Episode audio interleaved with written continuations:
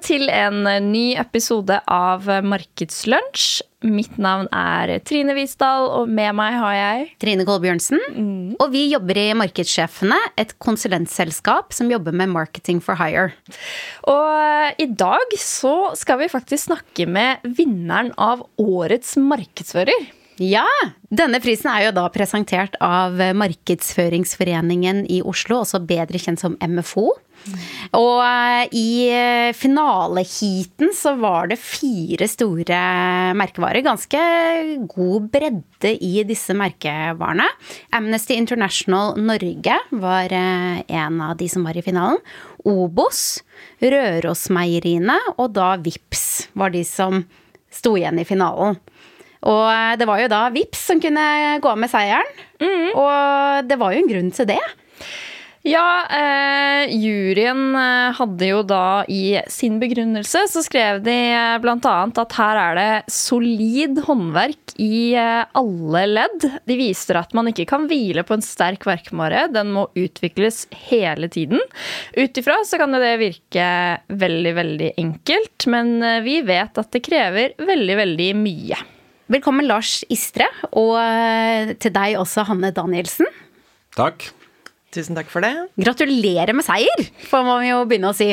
Tusen takk for det. Ja, takk, takk. Ja. Kan ikke dere fortelle kort eh, hvem dere er?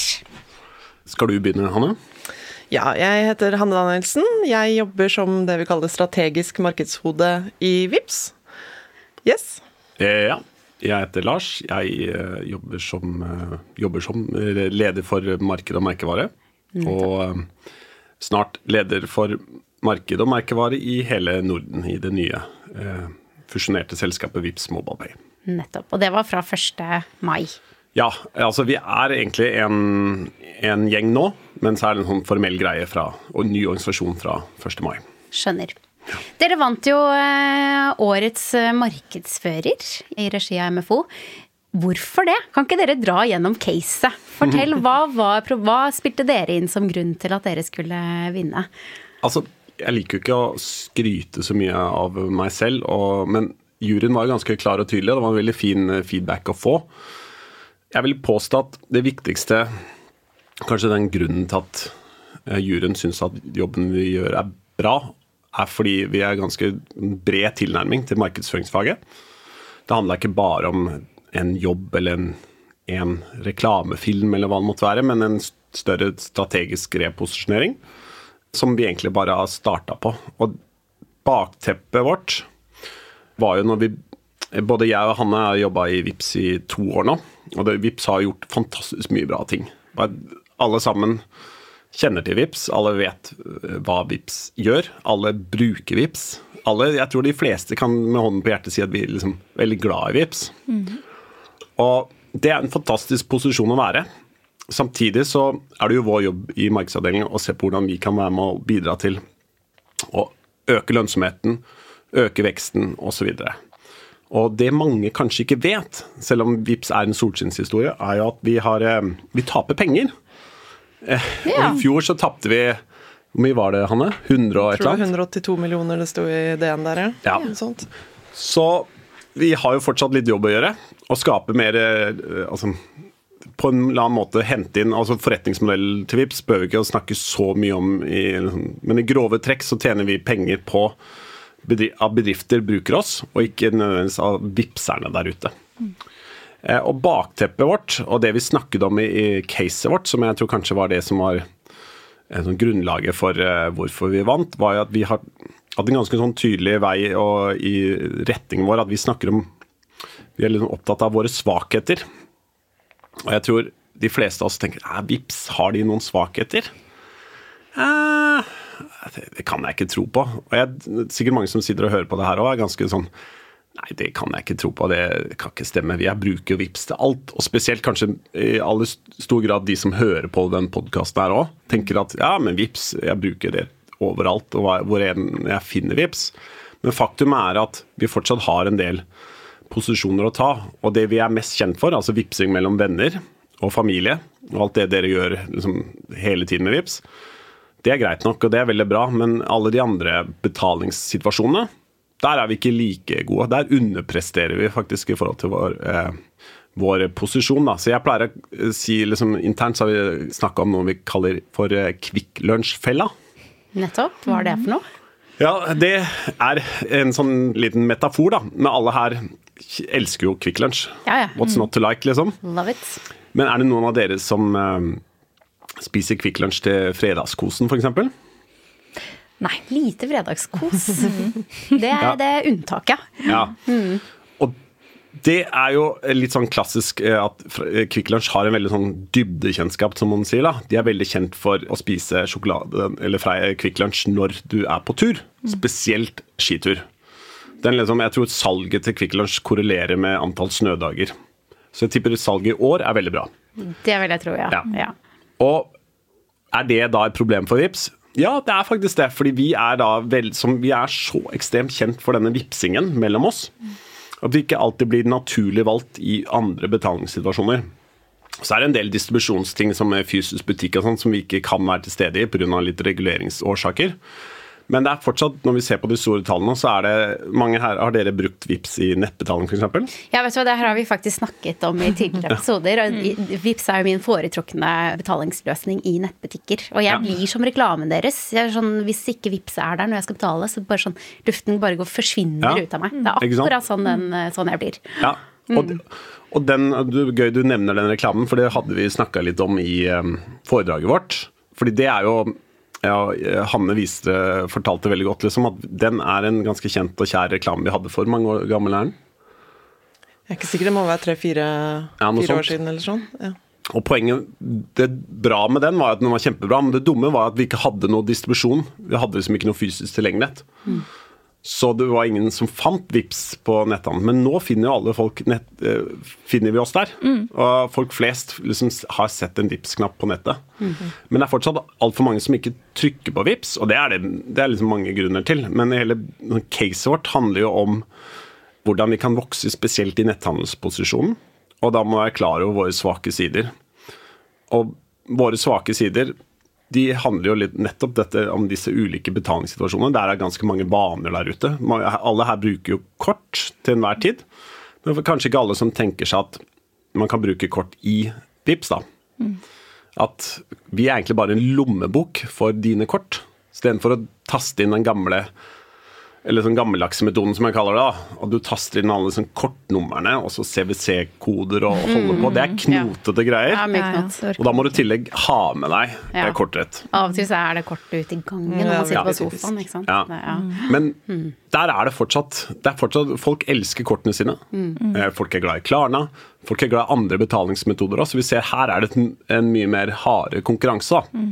Så det hele caset vårt handla jo om liksom, hvordan kan vi, når vi er så kjent for vipsing når, Jo mer kjent vi er for det, jo vanskeligere er det også å posisjonere seg bredere. Det er litt sånn tilbake til Kvikk Lunsj. Hvordan skal du få Kvikk Lunsj til å bli brukt da? En fredagskveld? Ja, det er ganske vanskelig. Ja.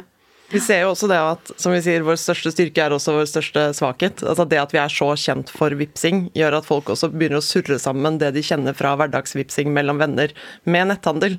Så det er myter der ute om at folk tror at det er gebyr på kjøp på nett over 5000 kroner f.eks., for eksempel, fordi det er et lite gebyr på å vippse over 5000 kroner mellom mennesker. Det er ikke sant, dere. Det er en myte. Du kan kjøpe en bil, for den saks skyld, for alt vi bryr oss. Eh, Du kan gjøre det gjennom NAF også. Det er masse sånne type ting da, som gjør at den dybdekjennskapen vi har på vipsing mellom venner, kan være en liten hemsko også. Så da må vi jobbe smart for å både lage god historiefortelling som gjør at flere folk kobler oss til netthandel, men også informere om disse tingene. Både i egen app, ikke minst i selve produktflyten, og bruke det, den flaten smart, men også liksom kjøpsnære kontekster. Prøve å komme inn der og, og flytte litt eh, Flytte litt myt, bryte ned litt myter. Det er liksom interessant, for jeg tenker når man snakker om eh, det med å på en måte utvide produktet sitt, da, så vil jeg jo tro det at siden dere allerede har så god kjennskap, så vil det på en måte være eh, Eller i markedsteori, da, så vil vi jo si at det er på en måte enklere da for dere å utvide bruken, fordi folk kjenner allerede til dere. De har på en måte tillit til merkevarenavnet. Så da burde det være på en måte enklere for dere å da bare utvide kategorien litt, litt og litt. Enn det ville vært for en, hvert fall en helt ukjent uh, leverandør på markedet. Hvis f.eks. en internasjonal aktør skulle komme inn, så hadde jo de hatt en helt annen posisjon. Men dere ser, like, ja, dere ser jo tydeligvis likevel utfordringer med det. Ja, det er det enkle svaret. ja. Ja. Og det er ikke sånn at det, ikke sånn at det går det, Vi har jo vanvittig gode veksttall, mm. så vi tar markedsandeler. Og det er også det caset liksom belyser. og Vi har jo at resultatene i fjor er veldig gode og veldig bra. Men mye vil ha mer og alt det greiene der. Mm. Og vi ser jo liksom den derre gebyrmyten da, som Hanne nevner, den er, den er reell. Og vi ser også at sånn taktisk kommunikasjon på det, det hånden på hjertet sier at det, liksom, det, det har ikke gitt den nødvendigvis denne avkastningen og, og fiksa problemet på 0, niks. da. Så det er litt sånn tilbake til det, sånn, hvorfor vi snakker om sånn Kvikk Lunsj-fella. Vi hadde sånn drodling rundt andre caser. Og bare for å ta, Jeg viste ikke de nå, men altså, for eksempel Bjørn Borg, da. Hva tenker dere på da? Bokser. Ja. Har dere noen gang, eller noen av dere menn dere kanskje har hørt eller kjenner til, har de noen gang tror, vurdert en Bjørn Borg-jakke? Vinterjakke, f.eks.? Nei, det tror jeg ikke. Nei. Jeg tenkte sånn, Det har de ikke, tenkte jeg meg. Nei, nettopp. Ja. Og det er liksom, For meg så er det Jeg elsker sånn jeg prøver få, få bilder på en problem, problem, og en situasjon, for det gir oss mye mer sånn tydeligere sånn hvorfor det er det. Mm. Og Det finnes tusenvis av sånne eksempler. Jeg drodla rundt eh, Hva heter de der i sommer... Eh, jeg sier det alltid feil. Hawaiianas. Ah, ja. mm. De er også litt sånn samme. Veldig kjent for én ting, de flipfloppene. Mm. Og vi har jo vi er, Det er jo ikke sånn at vi er ikke Vi skal jo bruke det til vår styrke. Men det, man, må, må forstå at bygge sånn reposisjonering over tid, det, det, tar jo litt tid. Men vi har allerede fått det ganske mye da, i fjor. Og det er liksom den jobben vi gjorde. Mm. Og det um, Hanne, kan du huske husker jo den um, vi, Når vi snakka gjennom cases i, i forrige uke òg, at hvordan vi jobba med den, den oransje tråden vår. da. Mm. For den tror jeg liksom er ganske viktig. Liksom, som, hvis jeg skal, Hva er det, hva er det vi har jobba mest med da, fremover? Ja, en av de andre svakhetene vi har eh, pekt på da, i det caset som heter 'Den sterke merkevarens svake sider', er jo det at vi har hatt masse isolert sett suksessfulle kampanjer opp igjennom fra VIPS. Vi skal ikke sitte her og absolutt ikke si noe annet. Det er jo en merkevare som er godt kjent i marketingmiljøet og hos folk flest for å lage reklame som treffer folk. Men litt av utfordringen da vi satte oss ned og så på det, og vi, hva vi vil gjøre framover, var det at det er det har vært ulike aktiveringer til ulike typer kampanjer da, hele tiden. Og det har ikke nødvendigvis vært noe grep der i verken utførelse eller situasjoner eller sånn gjentagende bruk av assets og den type ting som gjør at man tenker at ah, dette er en vips reklame Og det var noe av det vi brifet Try på. At vi ville ha den der, vi manglet rett og slett den oransje tråden, da, som vi har kalt det. Mm. At vi ville skape et univers som er, skaper effekt på tvers av uttak, og som er gjenkjennelig uavhengig av hva vi har lyst til å snakke om, og som blir en plattform for VIPS. Samme om det er vennebetaling, eller om det er betaling på nett, eller det er login, eller det er kundeklubb, eller det er hvilke som helst av de ulike produktene vi jobber med. da. Og ikke minst å bygge merkevare helt på toppen som kan ha en spillover-effekt uavhengig av hva vi har lyst til å snakke om. Og det har vi jo gjort eh, løst, egentlig, da, med, det, med det konseptet som heter VIPS veldig, veldig enkelt. Hvor vi har noen merkevarefilmer som bare dramatiserer enkle enkelhet. Så at brifen var veldig tydelig at vi ville bare vise enkelt, egentlig. Så der har vi de filmene som noen kanskje har sett, hvor, hvor vi sier 'tenk om alt var like enkelt som å vippse', eh, f.eks. å lære seg finsk. Og så er det en professor som da lærer en fyr å snakke seg finsk på 0, niks, som vant en sølvfisk, så det er jo også gøy å ta med seg. Uh, og så har vi bygget opp, et univers som handler om netthandel, som også hele tiden følger den samme oppskriften og malen, på en måte, da. At det hele tiden lander i veldig, veldig enkelt, og er de gjenkjennelige elementene. Og en av de tingene med veldig veldig enkelt, da Det er, det er, det er to ting som jeg syns er liksom eh, For det ene, det er sånn derre alle markedsførere vet, vet, jo dette, det er en åpen dør, liksom. At du tar tak i den viktigste driveren i kategorien din. Og for oss er det å være enkelt. Det er ikke sånn at folk bruker masse tid på åh, nå skal jeg velge betaling. Visa, Klarna, Vips hmm, Dette her må jeg overveie ganske mye. Folk tar den beslutningen sånn. Og ikke sant, ekstremt sånn uh, automatikk bak den der beslutningen der. Og da, da, kan ikke en god ting sies, ofte, uh, sies, nok ganger. Så for oss så var det ganske tydelig som enkelhet. det må vi bare fortsette, Selv om vi allerede er kjent for det. Vi har, når vi måler hvor, liksom, hva folk assosierer VIPS med, så er det jo enkelt. Så man kan si, Hvorfor bruker de ikke muligheten å utvide oss? Nei, men enkelhet er styrken vår, og så skal vi forgreine den ut i alle andre ting. Mm. Den andre tingen da, som er veldig, veldig enkelt, som jeg syns er veldig bra fordi det er, det er, alltid en sånn diskusjon rundt payoff. Hvor viktig er de?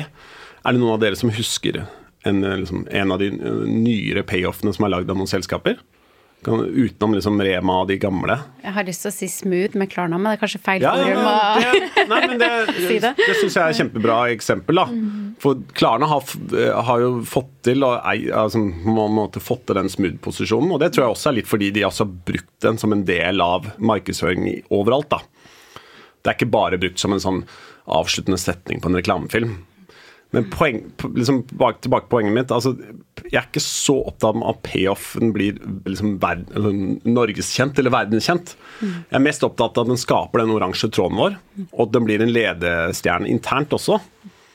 Fordi det som er så kjempegøy med den, eh, den setningen, nesten, eller det gøyeste, syns jeg, da, er jo at den brukes så mye internt. Et selskap som har ja, Vi har 300 ansatte i VIPS, ca. Og de har masse innovasjonskraft, masse tanker, masse ideer hele tiden.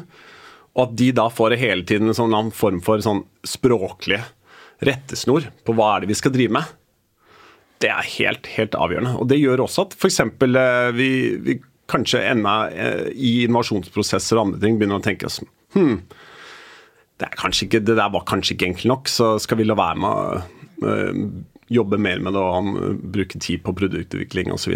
Så, så det er liksom det er kanskje det jeg er mest stolt av, den oransje tråden og den, det konseptet. At vi har klart å få til det. Det er en veldig fin ledestjerne å jobbe etter. Det jeg kan tenke meg at I alle forum så kan man stille det endelige spørsmålet er dette veldig veldig enkelt eller mm. ikke. Ja eller nei, så har du egentlig svaret på ja. om det er liv laga eller ikke. Ja. Hvordan var prosessen med å komme fram til dette konseptet eller payoffen med veldig veldig enkelt? Var det, Jobbet dere internt med det, eller hadde dere inn byrå og gjorde dere stor prosess på det her?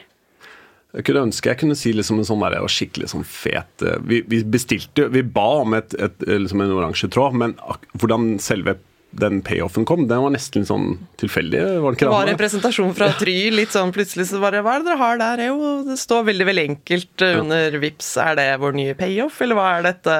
Hvordan har dere sett for dere det? Er ikke det kult, da? Dere sa dere ville ha det veldig, veldig enkelt, så her er det. Veldig, veldig enkelt. Mm. Og så uh, var det jo det er et eller annet med Det er jo tøysete rart å si det veldig to ganger, men det er jo det som gjør hele setningen bare mer uh, Dårlig på norsk memorable. Hva mm. blir det, Hanne? Lett å huske. Lett, lett, lett å huske, ja. Lett å kjenne, lett å kjenne ja. ja. At det bare det føles som når jeg sier det veldig veldig enkelt, så og, jeg tror vi har mista tellingen på mange som bruker og sier det hele tiden nå. Drømmen vår er jo at hvis folk eh, merker jo at folk bruker veldig, veldig veldig veldig mye mm. i dagligspråket. Hun begynte å legge merke til det, at det kan være noe vi kan piggybacke på. sånn at hvis den setter seg så, så godt der ute hos folk at folk begynner å tenke på VIPS hver gang noen hører noen høre, si veldig, veldig, så har vi jo da er det da, da, da, har vi hacka, hacka ting ja. ganske greit. Da har dere vipsing og overtalt veldig, veldig. Yes. Så da er det check, check på ja. to ting der. Mm.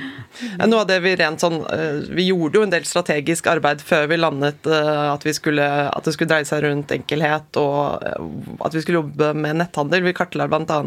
det man kaller mentale inngangsporter, som jo egentlig bare handler om ikke, tenke, ikke spørre om kjennskap og om folk kjenner til oss, men når de tenker på oss som Byron Sharp sier, ask not what your brand evokes, but what evokes your brand. Mm. Så, det det med, altså, da kartla vi masse forskjellige betalingssituasjoner, og hvor vi presterte bra, og hvor vi har prestert dårlig. Og da så vi at vi underpresterte veldig på netthandelssituasjoner, bl.a. Særlig på ting over 5000 kroner. Mm. Men så ser vi at vi slår alle andre, inkludert Klarna, ut av eh, ballparken, holdt jeg på å si, på akkurat dette med enkelt, mm. som også er den største inngangsporten til betalingskategorien. Mm. Så det er noen ganske sånn strategiske veivalg og, og draing i jekker som ligger behind the scenes der, før vi landa i disse, disse mm. konseptene.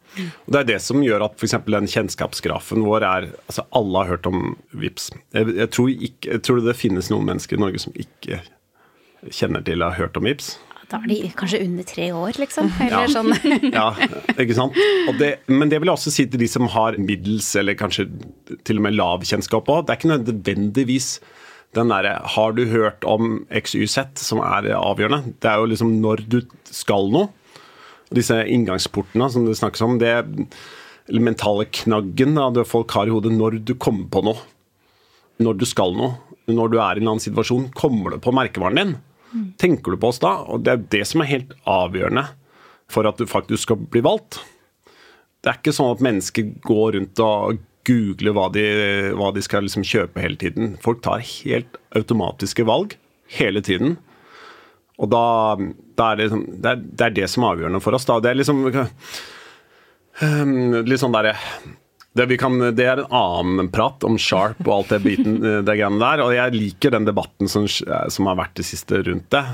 Så blir det litt sånn eh, fordummende noen ganger, da. For hele poenget er at hvis du er litt sånn Jeg synes at vi i markedsavdelingen i VIPS vi er litt gode til å prate om det. Så hva betyr det egentlig? Istedenfor bare kjøpe hver eneste teori eller bok som kommer, og bare ja, det, det er det sånn vi skal gjøre det. Må, det er en, det er en, liksom en sunn fornuft oppi her, da.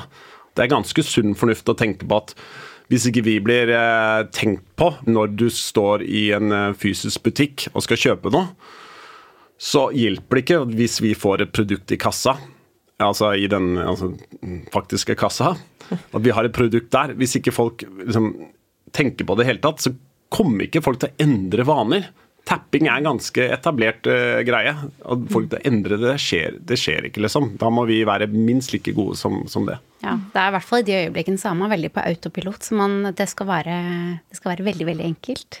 Men ja. dette var veldig, veldig spennende, og vi har mange, mange flere spørsmål mm. å stille. Så vi kjører rett og slett en del to. Så til de av dere som har lyttet til denne episoden, det er bare å vente to uker, så kommer det en ny episode. Da snakkes vi mer da.